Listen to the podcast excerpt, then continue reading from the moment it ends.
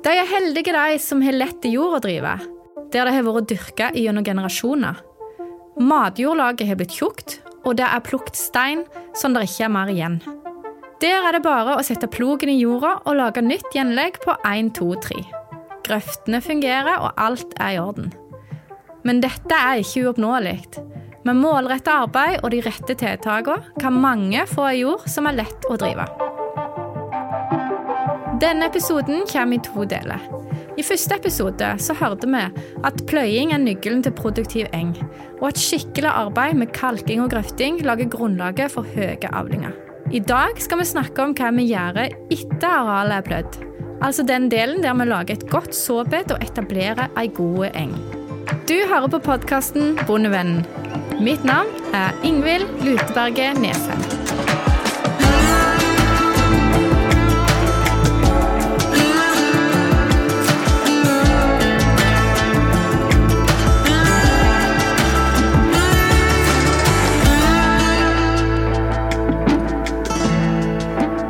Podkasten Bondevennen blir presentert i samarbeid med Sparebank1 SR-Bank og Tveit Regnskap.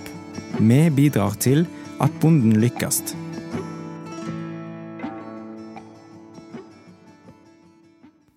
Før vi går i gang med dagens episode, så må jeg bare fortelle noe. For det er at Vi har faktisk fått inn et lytterspørsmål. Det kunne vi godt fått mer av, altså, for det syns vi er kjempegøy. Vi fikk spørsmål om forenkla jordarbeiding aldri vil fungere, siden vi var så tydelige på at vi må pløye for å ta store avlinger. Så her må vi nyansere bildet litt, for vi vet jo det at det er jo ikke alle som har mulighet til å pløye. Det kan være for lite matjord, det kan være tidsklemmer eller andre ting som gjør at det bare ikke er mulig å pløye. Og da vil jo forenkla jordarbeiding være bedre enn ingenting. Eh, Det kan være direktesåing, fres eller andre måter som kan opprettholde avlingene. Poenget er at plogen er det beste. Det er Rolls-Royce når det kommer til å lage et gjenlegg. Det betyr ikke at du aldri kan få avlingsøkning med andre metoder òg. Og det kan jo være lurt å ha med forenkla jordarbeiding, f.eks. med direktesåing, som en bevisst strategi for å forlenge levetida til enga. Men det skal vi komme tilbake til i en annen episode. Nå får vi kjøre i gang med dagens.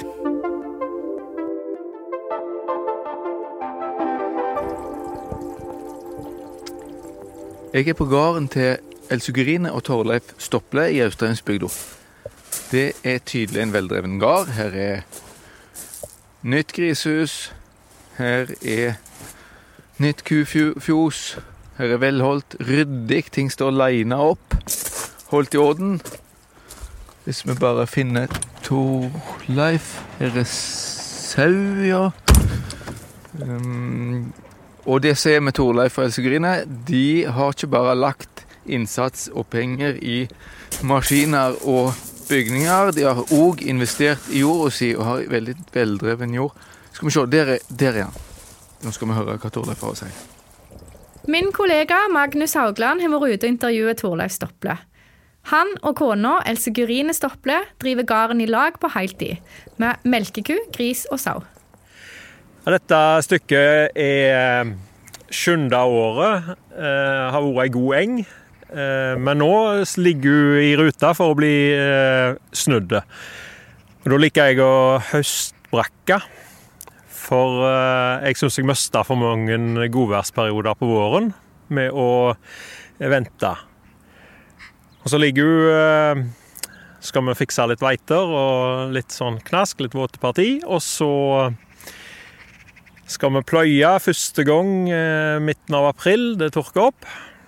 Så ofte i begynnelsen av mai så kjører vi gjødsel, eller husdyrgjødsel, og sjølsand pleier vi å bruke. Det er, har vært brukt på denne gården i generasjoner, og det er ganske greit kalknivå. Så kjører vi crosskill. Det er da et slådd med ei trommel bak. eh, Rett i pløkslå.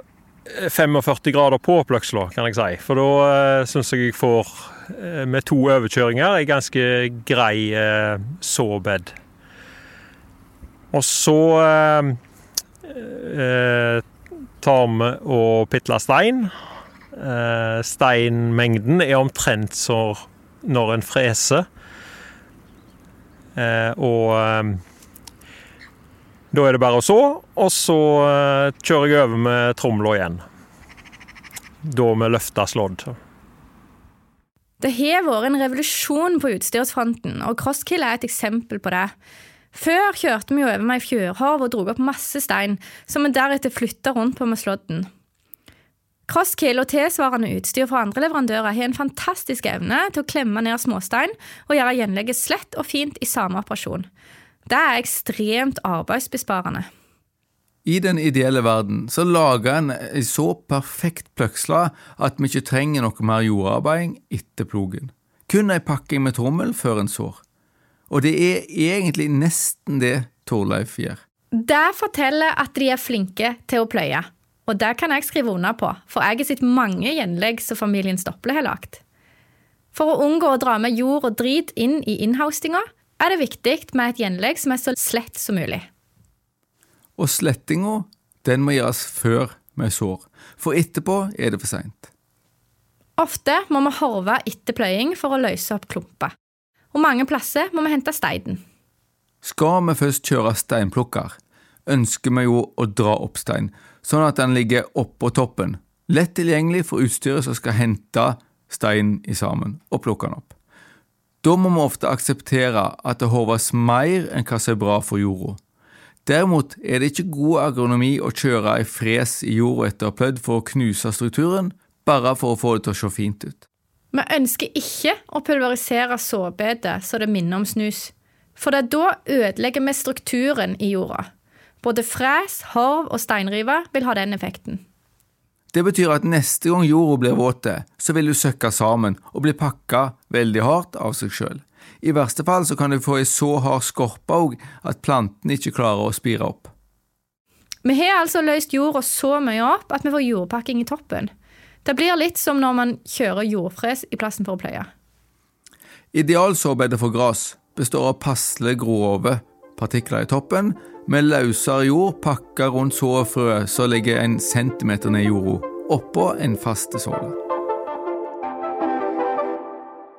I en del gjenlegg opplever vi at en av grasartene dominerer totalt, selv om det skulle være en ferdigblanda miks vi kjøpte. Og Det forklarer vi ofte med feil sådybde. Noen frø skal sås dypt, sånn som kodden og erter. Men grasfrø de tåler ikke å havne lenger ned i jorda enn ca. en centimeter. Timotei og engrapp er svakest. Danske forsøk sier at havner det to centimeter ned i jorda, så spirer under 10% av timoteifrøa. Og det er ikke dypere enn bredden på tommelfingeren min. Veldig dumt å bruke en liten formue på frø og så ta livet av 90% med å så for dypt. Men i en miks så er det jo ikke bare timotei og engrapp. I ei blanding med mange grasarter medfører for djup såing at du ender opp med ei eng bestående av de grasartene som tåler nettopp djup såing. Reigras tåler veldig djup såing, noe gjør at vi i verste fall ender opp med ei tilnærmet rein reigraseng om du har litt av det i blandingen. Da kunne vi like så greit valgt billig reigrasfrø i plassen for dyre blandinger. Men det er jo en grunn til at vi velger ei blanding med mest timotei og bare litt reigras. For det reigraset vil jo mange plasser daue ut etter et par år pga. harde vintre. Og sånne plasser så ønsker vi bare et lite innslag av reigras for å heve kvaliteten og avlingen i de første engåra. For djupt plasserte såfrø vil i sånne tilfeller redusere levetida på enga med flere år. Kløver tåler heller ikke å bli sådd for djupt. Kløver tåler ikke å havne like langt ned i jorda som reigras, men betydelig dypere enn hva timotei og rapp vil klare. I enga så er ofte rødkløveren blant de første som forsvinner utover i engåra. I ei rein timotei- og rødkløverblanding vil for djup såing kunne gi ei eng totalt dominert av rødkløver. For djup såing vil òg her gi ei eng som bare varer i et par år. Og vi vil jo som oftest ha enga til å vare i minst fem år. I et fuktig klima og med ei mollrik jord vil grasfrøa få god oppspiring av å legges oppå overflata, altså det vi kaller breisåing, gjerne med ei lita fingerhorv hengende bak. Det vil òg gi grasfrø best konkurranseevne mot ugras. Og ei god tromling til slutt. Vi ser jo gjerne at det ofte spirer best i hjulsporene etter traktoren. tromlene våre er ofte for lette, både til å pakke jorda godt nok til å gi god spiring, og for eventuelt å presse ned småstein. Når vi er i fjoset og fôrer med gras fra gjenlegg, så høres fôringsanlegget ofte ut som et klokkespill. Uff, ja, ja. Det, det kjennes i hele kroppen når en ser for seg alle knivene de steinene har ødelagt på sin vei fra gjenlegget og fram til fôrbrettet. Og så kan det fylle med skit òg, som ødelegger smakeligheten på fôret og kan gå ut over dyrehelse og melkekvalitet.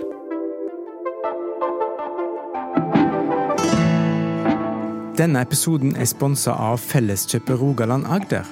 Felleskjøpet har løsninger som gjør din grasproduksjon mer lønnsom. Snakk med våre konsulenter, eller gå inn på nettsidene våre bondekompaniet.no. Men nå gleder jeg meg til å snakke om det aller mest spennende, valget av såfrø. Ja, Da velger vi Spire 10, og jeg har valgt med kløver. Jeg har litt tro på kløverfiksering. Eh, eller nitrogenfiksering, heter det vel. Eh, og eh, har av og til sådd litt over i tredje-fjerde år med Spire 100, flerårig dreigras. Torleif gir det som i utgangspunktet er rett for mange i kystområdene her til lands, i alle fall sør for Nordland. Hans hår er frøblanding, hovedsakelig basert på en timotei-sort som utnytter langvekstsesong, og ispedd 10% reigras. Tradisjonelt har timotei vært ryggrada i norsk grovfòrproduksjon. Og på Jæren i lag med reigras, som har vært viktig i over 100 år. Reigras har blitt den dominerende grassorten i Vest-Europa og andre fuktige plasser i verden med milde vintre. Men den tåler dårlig varme og tørke. Flerårig reigras som vi snakker om i dag, kalles engelsk reigras og trives best med engelsk klima. Fuktig, kjølig vær på sommeren, men ingen kalde vintrer. Ifølge frøkatalogen så står det at reigras er egnet for kortvarig eng. Men vi opplever jo at reigraset varer mye lenger enn timotei hvis vi slår han tre-fire ganger i året. Ja, det skurra for meg òg, så jeg ringte Geir Paulsen, såvaresjef i Felleskjøpet Rogaland Agder, og hørte med han. Hør her. I, vårt distrikt så er dette med Er det ikke mye som klarer å konkurrere ut reigraset, altså. På, på litt på lengre sikt. Uh, men uh, men vi ser jo det på, på ei Grinstad Timotei, når du eh, setter den opp imot en, en, av disse reigrassortene, så, så tre slåtter på den, så, så, blir det kjempeavlinger på den òg i, i, de første og, og andre enger. Men det er klart, den, eh, det som er ulempen med disse fleste forsøksfeltene som vi har, det er at de står bare i tre år. Og, og, og bonden vil jo gjerne ha en gjeng som varer lenger, som kanskje varer fem og seks år. Og, og da viser det seg ofte at med, med tre slåtter da, så, så, så, vil eh, timoteien gå litt ut etter hvert, og så blir det mer kveka og, og ugras da, som kommer inn i de siste engene. Og, der vil nok eh, i vårt distrikt greigras ha en fordel med at den, den, klarer å stå lenger og tåle bedre litt sånn tøffere å bruke. da. Ja, for det reagerer jeg alltid på i frøkatalogene deres, at den reigrasen bare for uh, ser ut som den er bare for kortvarig gjeng, men ja, det, det, det, det, leser jeg på så sent som i går, og jeg, jeg, tenker at det er jo egentlig feil. Ja. Eh, det òg, altså. Så eh, det, har du helt rett i. Det spørs om ikke vi må rett og slett justere på det.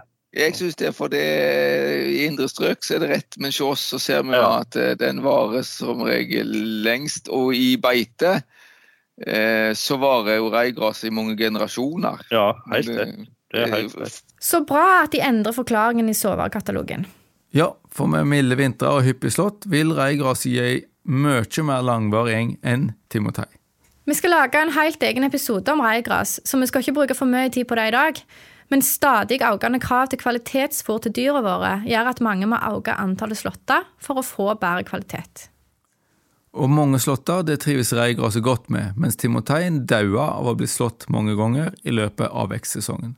Landbruksrådgivninga, eller forsøksringene som det het før, har lenge samarbeidet med Felleskjøpet om forsøk på grasblandinger. der ble kjørt et forsøk i, uh, uh, ja, det var i, i, Nord-Rogaland her for en del år siden. Og der en hadde um, Surfor pluss ti i, i, i, forsøksfeltet og hadde flere slåtter. Og prøvde den over flere år. Da viste jeg at med tre slåtter så, så, vil det gå over til reigras eh, i løpet av forholdsvis korte tid. Så ble, var vi oppe i en prosentandel på 30-40 tror jeg, i Eh, i Superpolis 10 med tre slåtter. Men med to, to slåtter altså, så, så, så, beholder du eh, mer eh, den andelen med, med For da, det, det, vil favorisere mer Timotei f.eks. Og, og, og da beholder du mer den andelen som du har satt ut, altså med, med kanskje en 10-15-20% reigras. Men, eh, men reigras er et veldig konkurransedyktig uh, gras, så det vil i mange tilfeller uh, konkurrere ut de andre sortene som er i en blanding, hvis den blir hvis den blir behandla sånn at den favoriserer reigraset, altså med, med f.eks. flere slåtter enn en to slåtter. Tre-fire slåtter, så, så, går jo både uh, Timotei og til dels òg Engsvingel vil gå ut i løpet av Eh, de første åra. Geir nevner her òg engsvingel. Den får ikke så mye fokus. Nei, og den er med som fyll i mange tradisjonelle engblandinger. Gir avling, varer en stund i enga, men har ikke så imponerende kvalitet. Engsvingel er ikke noe som får dyra til å vokse godt eller melke mye. Det er ganske nyttig å ha oversikt over hvilke grassorter som trives på egen gard. Det bør jo være styrende for hvilke frøblandinger en skal kjøpe. På våren sliter mange med å se forskjell på engsvingel og reigras, da begge sortene er mørkegrønne og blanke i bladene. Den enkleste metoden er å se på det siste bladet som kommer opp av planta.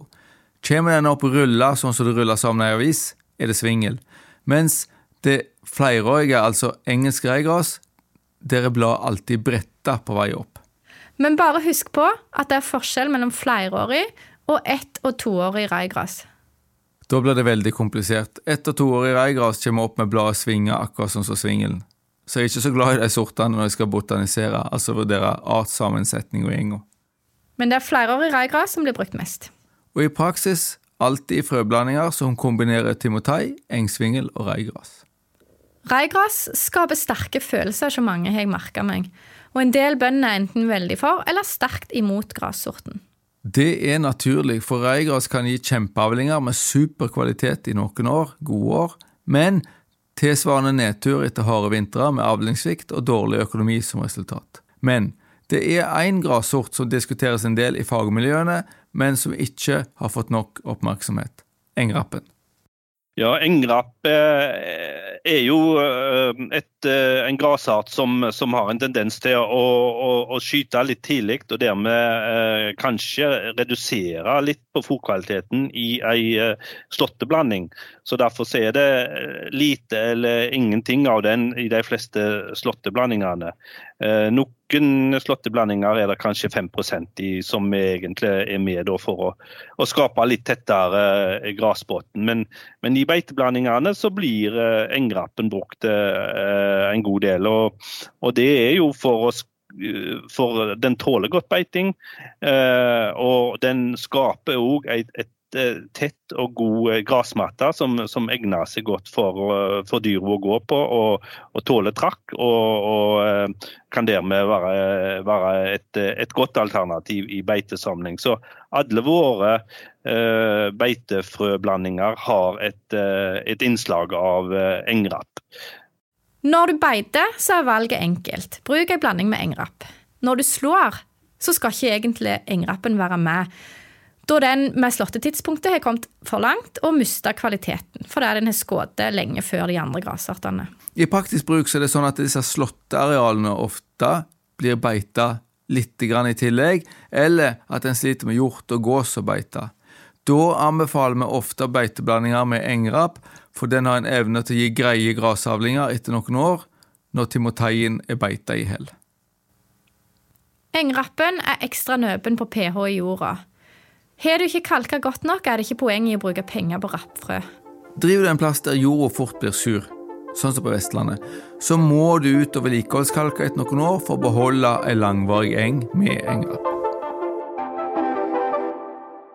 Jeg registrerer at strandsvingel er i vinden som aldri før.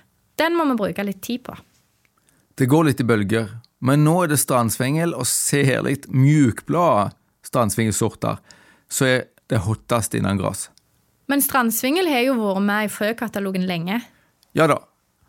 De har hatt både tradisjonelle og mjukblada strandsvingel i sortimentet i mange år, og siden det har blitt veldig mye fokus på fiber.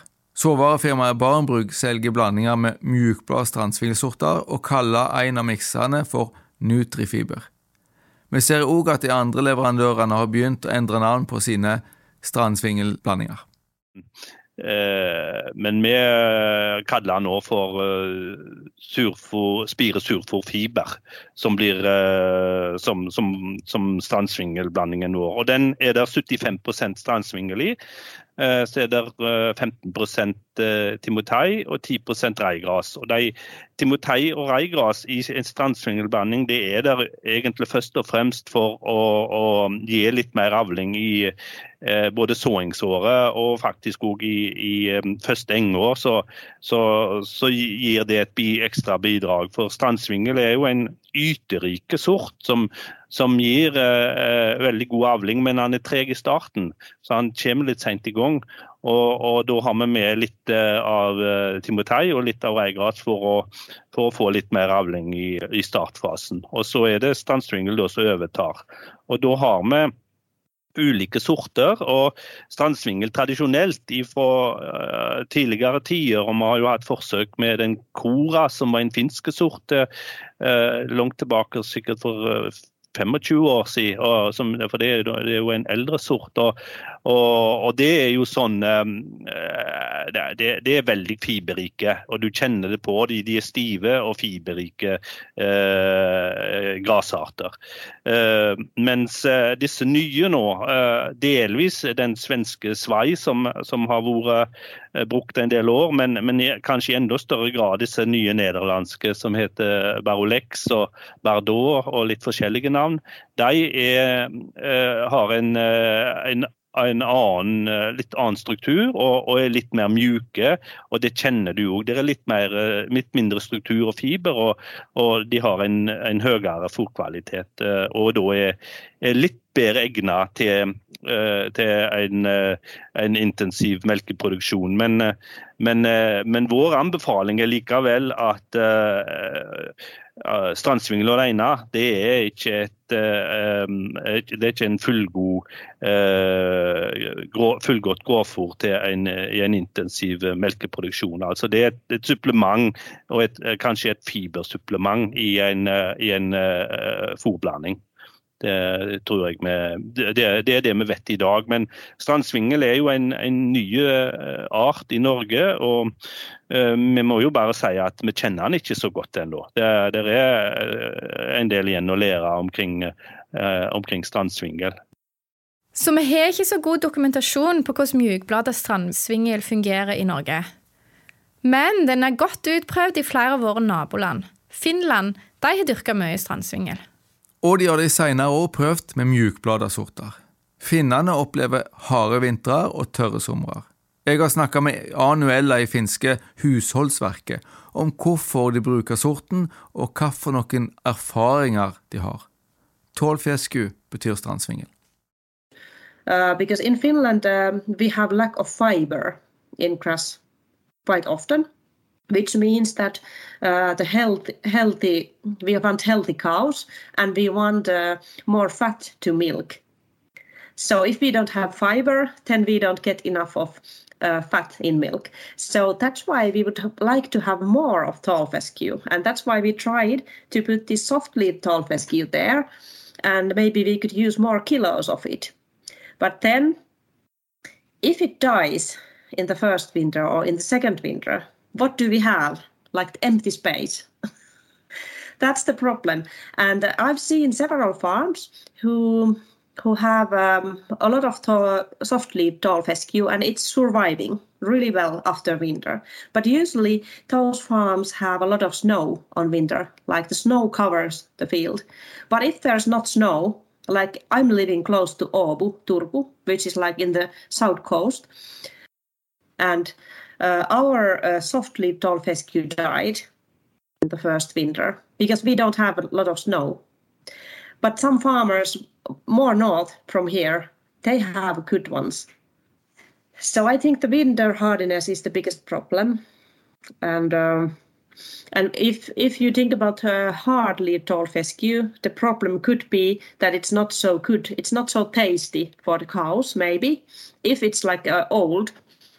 But if you have uh, tree cuts, like usually in, in southern Finland, we have tree cuts of silage, it means that it's not bad quality at all. So tall fescue with hard leaves, it's winter, good winter hardiness and deep roots, and it's surviving the winters very well. The only the problem is not the taste or the structure of the leaves. It's okay. It's but we really need to have uh, varieties which are more winter hardiness as well. Like you can trust them. But we have a very happy customers with tall fescue with soft leaves as well. But you never know.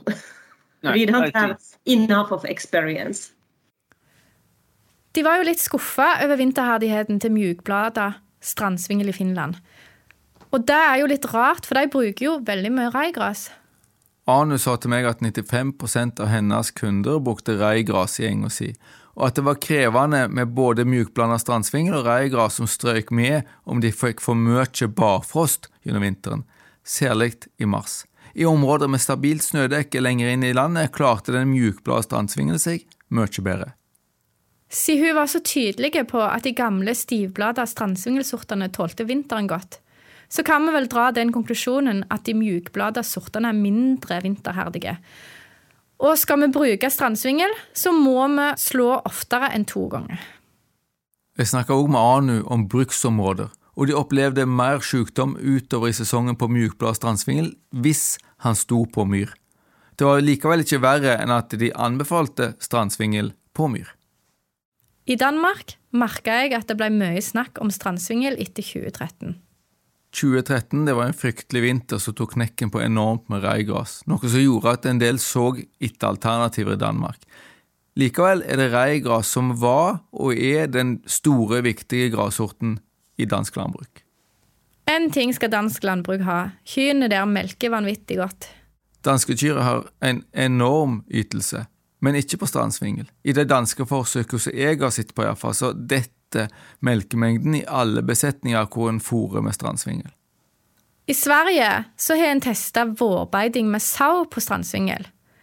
Lam til disse søyene som gikk på strandsvingelbeite, vaks seinere enn lam fra søye som gikk på timotei og reigrasbeite. Jeg var i Nederland i 2016, og da så vi på mjukblada sorter som Barolex. Og jeg var litt skuffa over kvaliteten den gang da. Vi hadde jo hørt så mye bra om den, men vi mangla erfaring. Men vi har jo snakket med Bart van Gool. Han er en legende i norsk landbruksrådgivning. Selv om han er gått av med pensjon nå, så henger han med i siste nytt på grasfronten. Nedover Europa er miljøfokuset høyere enn her, og det er gjort mye forskning på nitrogentap. Bart sier at strandsvingel kommer godt ut når en skal redusere nitrogentap. Av at han har så dype røtter og henter opp nitrogen, så er på vei til å bli vaska ut av jorda. Kombinert med enorme avlinger, så er strandsvingel den grasarten som utnytter nitrogenet best, og kan gi mest protein per dekar. Det er jo et godt poeng, og vi ønsker å produsere stadig mer protein i Norge. Og et stort rotnett betyr jo òg at den vokser godt, selv om andre planter må gi opp pga. tørke. Det mest spennende for Nederland var at strandsvingel, både stiv og mjukblad, hadde fått ord på seg for å tåle myrstankelbein veldig godt. Hypotesen er at det enorme rotsystemet var mer robust mot de glupske larvene til stankelbeina som vanligvis eter opp røttene. Det er altså en del fordeler med strandsvingel, men smakeligheten er ikke topp. Smakelighet er kjempeviktig for å få dyra til å ete, og tradisjonelt sett så har strandsvingel gitt mindre fôropptak. Norsk landbruksrådgivning har en dyktig ansatt, Lena Abel, som er tysker, og god til å finne fram i tyske fagmiljøer. Der er det gjort beiteforsøk, hvor en sier at dyra alltid foretrekker reigras før svingelartene. De unngår både stivblader og mjukblader strandsvingel om de har mulighet til å velge. Hvis dyra kunne velge mellom stivblader og mjukblader strandsvingel, hadde de en tendens til å velge mjukblader, men her fant de ikke signifikans. Signifikans er noe vi alltid regner på i forskning. For at forsøket skal kunne gi svar, så må vi kunne berekne at svarene er signifikante.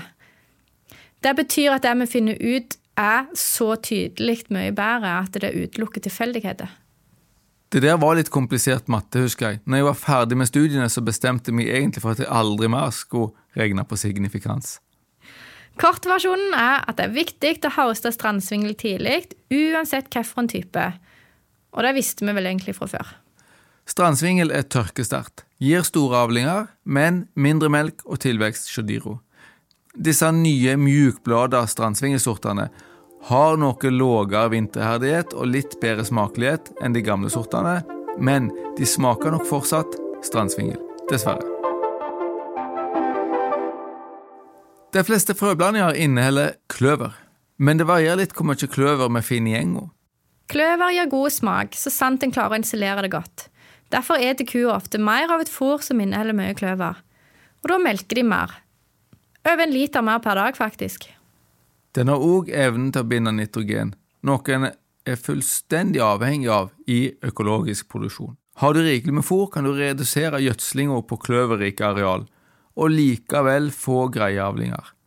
Og så har rødkløveren pålerot. Planter med pålerot er alltid bra for jord og jordstruktur. Rødkløveren klarer likevel ikke å redde dårlig jordstruktur. Hvis jorda er pakka og vi ikke får løst opp jorda før vi sår, så vil kløveren mistrives. Da må det pløyes først, men det snakket om i forrige episode. Kløveren er proteinrike, gjerne over 20% protein. Å få inn kløver i enga er et godt tiltak for å øke proteinmengden i fôret. En utfordring er at rødkløver inneholder planteøstrogener, fytoøstrogen, som kan ødelegge for brunsten. Særlig sau er ømfintlig overfor planteøstrogen. Så i saueholdet, når det nærmer seg paring, så kan vi godt unngå fôr som inneholder store mengder rødkløver. Men da snakker vi om store mengder.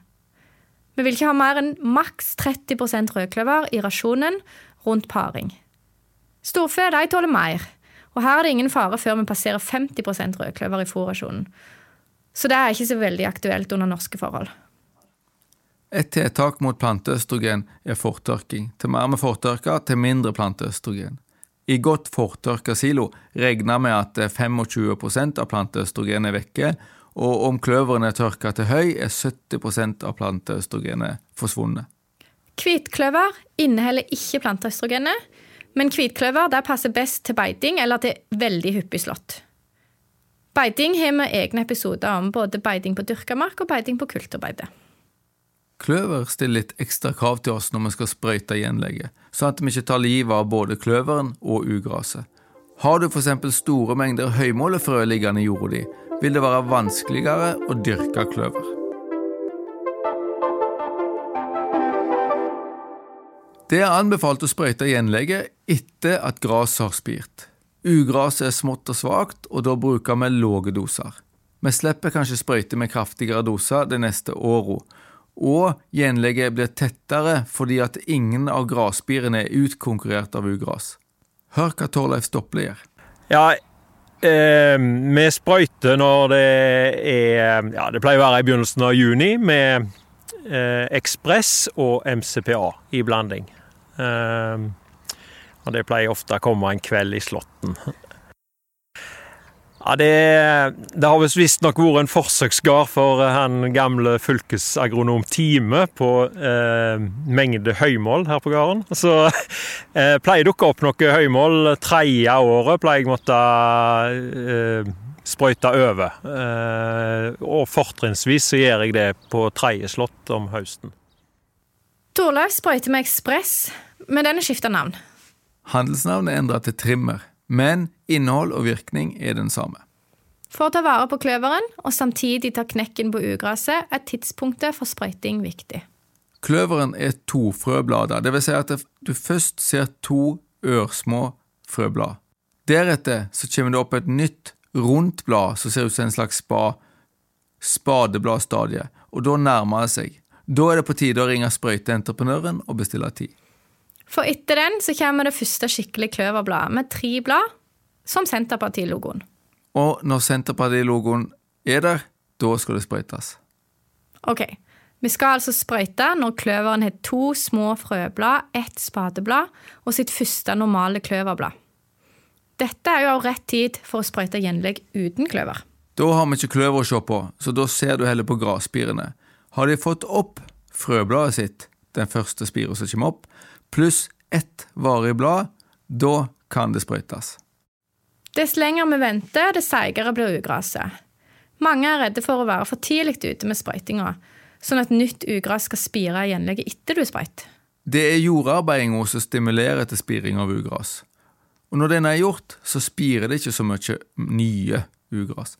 Ved et vellykka gjenlegg skal gresset ha fått et godt forsprang med sprøytetidspunktet, så eventuelt nytt ugras som spirer senere, det skal bli utkonkurrert av gresset som allerede er kommet langt.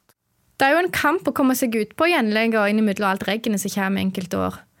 Derfor anbefaler vi også å gjennomføre gjødslinga med handelsgjødsel samtidig som vi sprøyter. Så er det gjort mens det er tort nok til å kjøre på gjenlegget uten å ødelegge. Man vet aldri når det skjer neste gang, og da kan det være tid for slått. Gjødslingsrådene for gjenlegg varierer litt.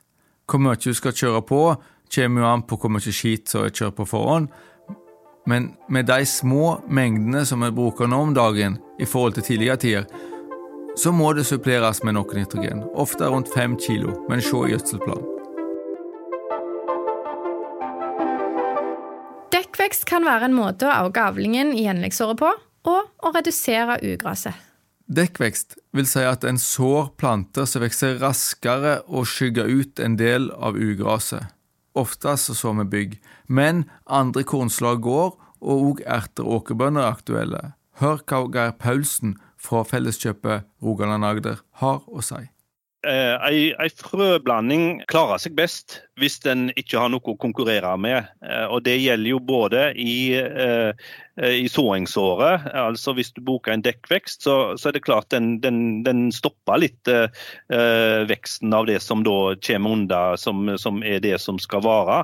Så, så, så hvis den vil ha, eh, og, og har gjenlegget som førsteprioritet, så er jeg usikker på om jeg i hele tatt skal bruke en dekkvekst. At om en kanskje heller bare skal, skal så det rent. Og så, så tar en det en, en får av eh, gjenlegget i, eh, i såingsåret. Og det er jo, en, en får er jo nesten ikke noe på første slåtten i hele tatt, men, men litt avpustning. Og så får en en ganske grei andre slått som regel i, eh, i såingsåret. Og så er det, så er det full, full fres andre året. Alternativet er jo et, et høstgjenlegg der, eh, der en eh, ikke bruker, heller ikke bruker dekkvekst, og, og da kan uh, ha full avling i, i neste år. Men skal en bruke en dekkvekst og, og er på jakt etter å ha den siste, og utnytte alle muligheter til å få så god avling og høy avling som mulig, så, så anbefaler jeg ofte å bruke forholdsvis beskjedne mengder. Kanskje bare en eh, to-tre kilo med bygg eh, eller havre. Uh, som, en, som, en, dekkvekst. og Da er det først og fremst for å gi litt mer struktur i, i, i, den slåtten, spesielt den første slåtten som blir veldig bladrike da, i, i såingsåret. Og, og, og, og, ikke gir sånn veldig stort bidrag til, til avlingsmessig. Så det er min, eh, min, hovedanbefaling er det. Det går an å gå litt opp i mengde hvis en vil eh, det. Og noen bruker både seks og sju kilo med, med, bygg eller havre ei, eh, som, er, som en dekkvekst. Men, men, da vil det nok ofte gå litt på bekostning av det gjenlegget du har, og, og kanskje òg redusere avlingsnivået litt i andre året. Det er mange ting å ta hensyn til når vi skal bruke dekkvekst. Blant annet er det ikke alle dekkvekster det finnes gode sprøytemidler til. Og Det setter derfor store krav til arealet. Man bør f.eks. ikke så erter på et stykke man vet at det kommer mye ugras på. Men dette er et stort tema og bør egentlig få en egen podkastepisode hvis vi skal få gått i dybden på alt. Å lage et nytt gjenlegg, det er en kunst. Dekkvekst gjør at det ofte blir enda mer komplisert, så jeg mener at skal du bruke mye dekkvekst, så bør du være blant de som ofte lykkes med gjenlegget. Generelle anbefalinger som passer for alle, er vanskelig. Snakk med din lokale rådgiver om du trenger noen å diskutere med. Skal vi gå inn for landing? Ja, jeg syns du kan oppsummere. Ved god pløying er det lett å lage et godt såbed. Det er viktig å velge rett såfrø og passe på at dette ikke havner for dypt. God tromling gir bedre oppspiring. Ei frøblanding basert på timotei er den mest aktuelle grasblandingen for de fleste. Bor du langs kysten, bør blandingen inneholde litt reigras. Og i de beste områdene bør reigras være hovedsorten, i alle fall om du skal slå ofte. Strandsvingel smaker ikke like godt, og har ikke samme kvalitet som timotei og reigras. Det gjelder dessverre også for de nye mjukblade sortene som er i handelen, selv om smak og kvalitet er forbedret. Sprøyt gjenlegget mot ugras. Da bruker du mindre dose enn om du må sprøyte seinere. Gjenlegget blir tettere, og du får mer avling i gjenga i årevis framover. Du har hørt på podkasten Bondevennen. Mitt navn er Ingvild Luteberget Nesheim, og jeg er til daglig rektor ved Vinterlandbruksskolen i Ryfylke. Og jeg er Magnus Haugland, lærer ved Vinterlandbruksskolen og rådgiver i Norsk landbruksrådgivning Rogaland. Har du spørsmål eller tilbakemeldinger, så send oss gjerne en e-post på podkast at bondevennen.no. Episoden er spilt inn i ABC Studio i Etne. Lyd av Stig Morten Søren. Vi høres!